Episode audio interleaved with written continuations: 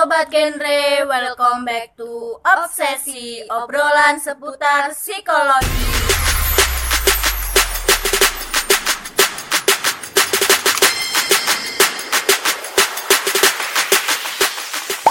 Selamat datang di podcast episode 3 ini. Kita akan membuat, membahas sebuah film yang berjudul Cry Me a Driver bersama saya Dina Lutfiana sebagai MC dan ada rekan saya Angelina Ayu Fadila Naca sebagai MC juga. Tentunya kita udah pada nggak asing kan sama film negara berkembang di Cina ini.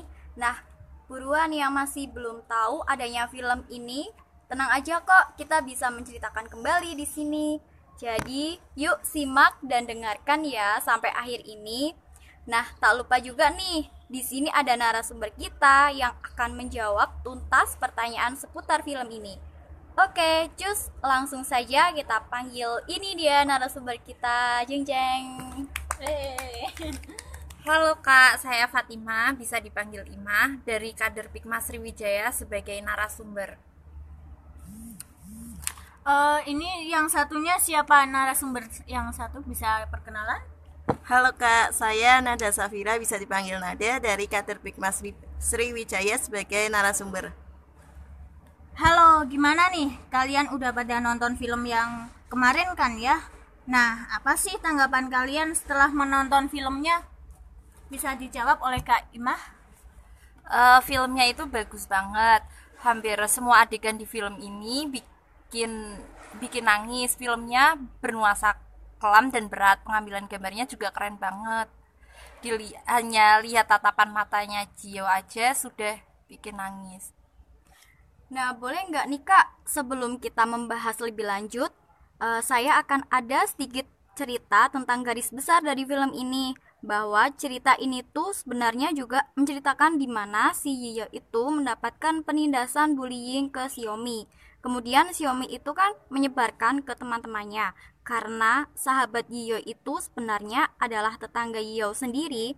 Tapi di sisi lain si Xiaomi itu cemburu ke Yiyo. Akhirnya muncullah Kusansi membantu Yiyo dalam tragedi itu kak.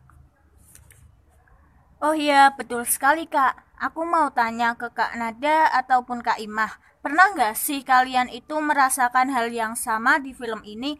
Atau mungkin dari pengalaman teman kalian yang pernah merasakan hal itu? Bisa dong ceritakan barangkali buat pengalaman kita semua.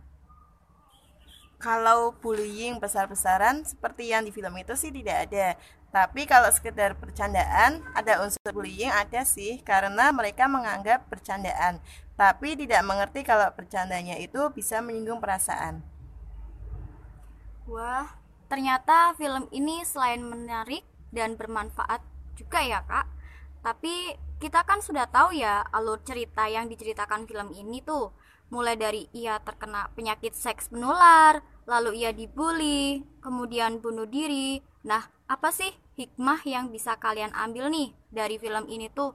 Seperti yang bisa kita terapkan dalam kehidupan sehari-hari gitu kak. Bisa dijawab oleh Kak Imah?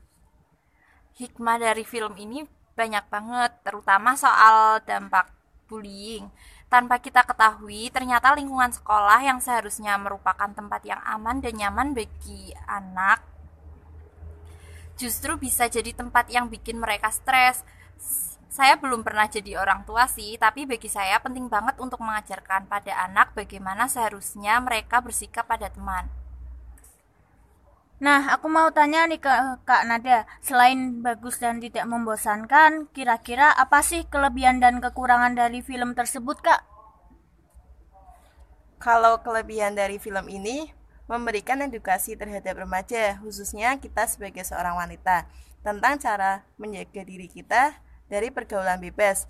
Bagaimana sih cara kita menjaga alat kelamin dan tent- tentunya dari film ini memiliki edukasi cara kita menyikapi permasalahan yang ada dan berkata jujur terhadap segala penyakit yang diderita kepada orang tua kita sendiri. Untuk kekurangannya, film ini tidak menjelaskan secara detail cara penularan akibat penyakit seks bebas dan seharusnya film ini adanya batas usia untuk penonton agar makna dan tujuan dari film tidak disalahgunakan. Berarti film ini tuh 18 plus ya kak?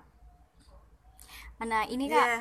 ngomongin tentang film kan pasti ada tokoh-tokoh yang berperan tuh kak. Nah masih ingat gak nih siapa saja kak tokoh yang berperan dalam film ini? Uh, kak Imah bisa tahu? Uh, tokoh dari film ini ada Yao sebagai tokoh utama, terus Kim Ning, Xiaomi, dan Gusansi. Nih kak, orang yang dibully itu kan misal teman kakak sendiri Hal apa yang Kak Nada lakukan? Ikut membulinya atau bagaimana? Kalau dari saya pribadi ya tidak perlu ikut membuli karena kan kita sebagai teman nggak tahu asal mula dia terkena penyakit tersebut bagaimana dan membuli itu tidak ada manfaatnya justru kita sebagai teman mendukung dia agar dia tidak putus asa dan lebih bersemangat lagi ketika dia difonis terkena penyakit AIDS penyakit itu tidak bisa disembuhkan dan tidak menimbulkan kesialan. Kalau dirasa ada teman yang membulinya, ya nggak usah ikut-ikut. Mungkin teman itu tidak tahu banyak tentang penyakit AIDS sehingga memojokkan dia. Wah, bagus bisa saling mensupport gitu ya, Kak? Iya, Kak. E, pertanyaan selanjutnya nih, masalah apa sih yang dialami si Yiyao ini sebagai tokoh utama? Kenapa dia bisa terkena penyakit seks menular, Kak? E, bisa sedikit diceritakan ulang, Kak? uh, penyakit Sekio ini ada hubungannya sama pekerjaan ibunya. Terus karena kan di film itu dokternya juga mengatakan uh, penyakitnya itu menular secara tidak langsung dari seper, seperti dari pemandian umum atau yang lainnya. Lalu bagaimana itu Kak setelah Yao mengetahui dia memiliki penyakit yang serius dan dibully sama teman-temannya? Tindakan apa yang dilakukan oleh si Yao itu Kak? Bisa dijawab oleh Kak Nada? Tindakan yang dilakukan Hihau menantang omongan dari teman-temannya dengan cara membalas perbuatan. Contohnya dalam film ketika dia dibully dengan cara ditempelkan permen karet pada rambutnya. Justru dia mengunting rambutnya dan menempelkan balik permen karet tersebut ke temannya. Hingga pada akhirnya ada seorang pria yang membantu dan melindunginya. Uh, di adegan ini kan ketika ibu Yiyo itu tidak peduli ya akan kondisi anaknya dibanding sahabatnya sendiri yaitu Kiming yang selalu dimanja oleh ibunya. Tetapi tiba-tiba Yiyo itu mendapatkan perlakuan baik atau perhatian dari ibunya.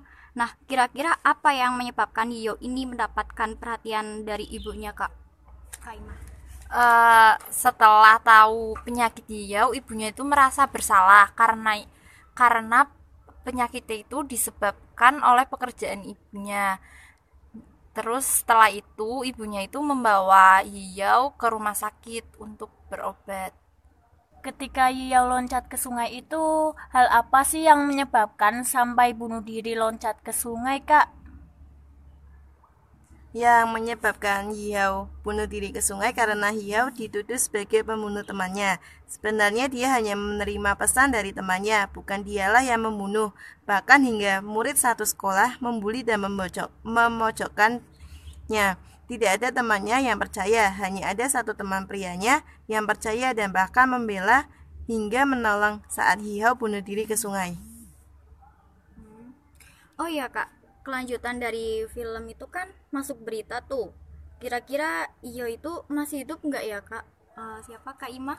Tahu nggak? Uh, sepertinya masih kak di akhir film itu dia seperti lagi di danau sama si Sansi yang selalu menjaga melindungi dia. Oh jadi cuman pingsan doang ya waktu dia nyebur ke sungai itu ya kak? Iya kak bisa jadi. Nah kita kan sudah melihat film ini tentunya kita sudah memahami betul apa isi dari cerita dalam tersebut. Di sini untuk ada maupun Kak Imah bisa nggak sih kasih tahu ke kita bagaimana tips untuk menghindari perlakuan terhadap bullying ini?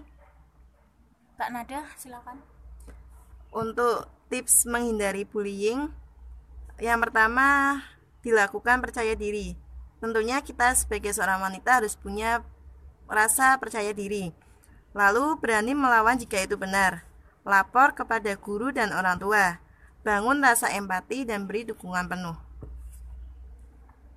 Sebelum kita tutup di nih di akhir sesi ini, ada pertanyaan satu lagi Kak dari kami.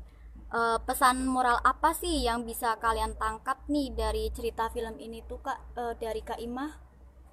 Eh, Pak, buat orang-orang yang pernah mengalami bullying di luar sana, kalian itu tidak sendiri. Better day are coming, jadi jangan berkecil hati. Bunuh diri bukanlah sebuah jalan.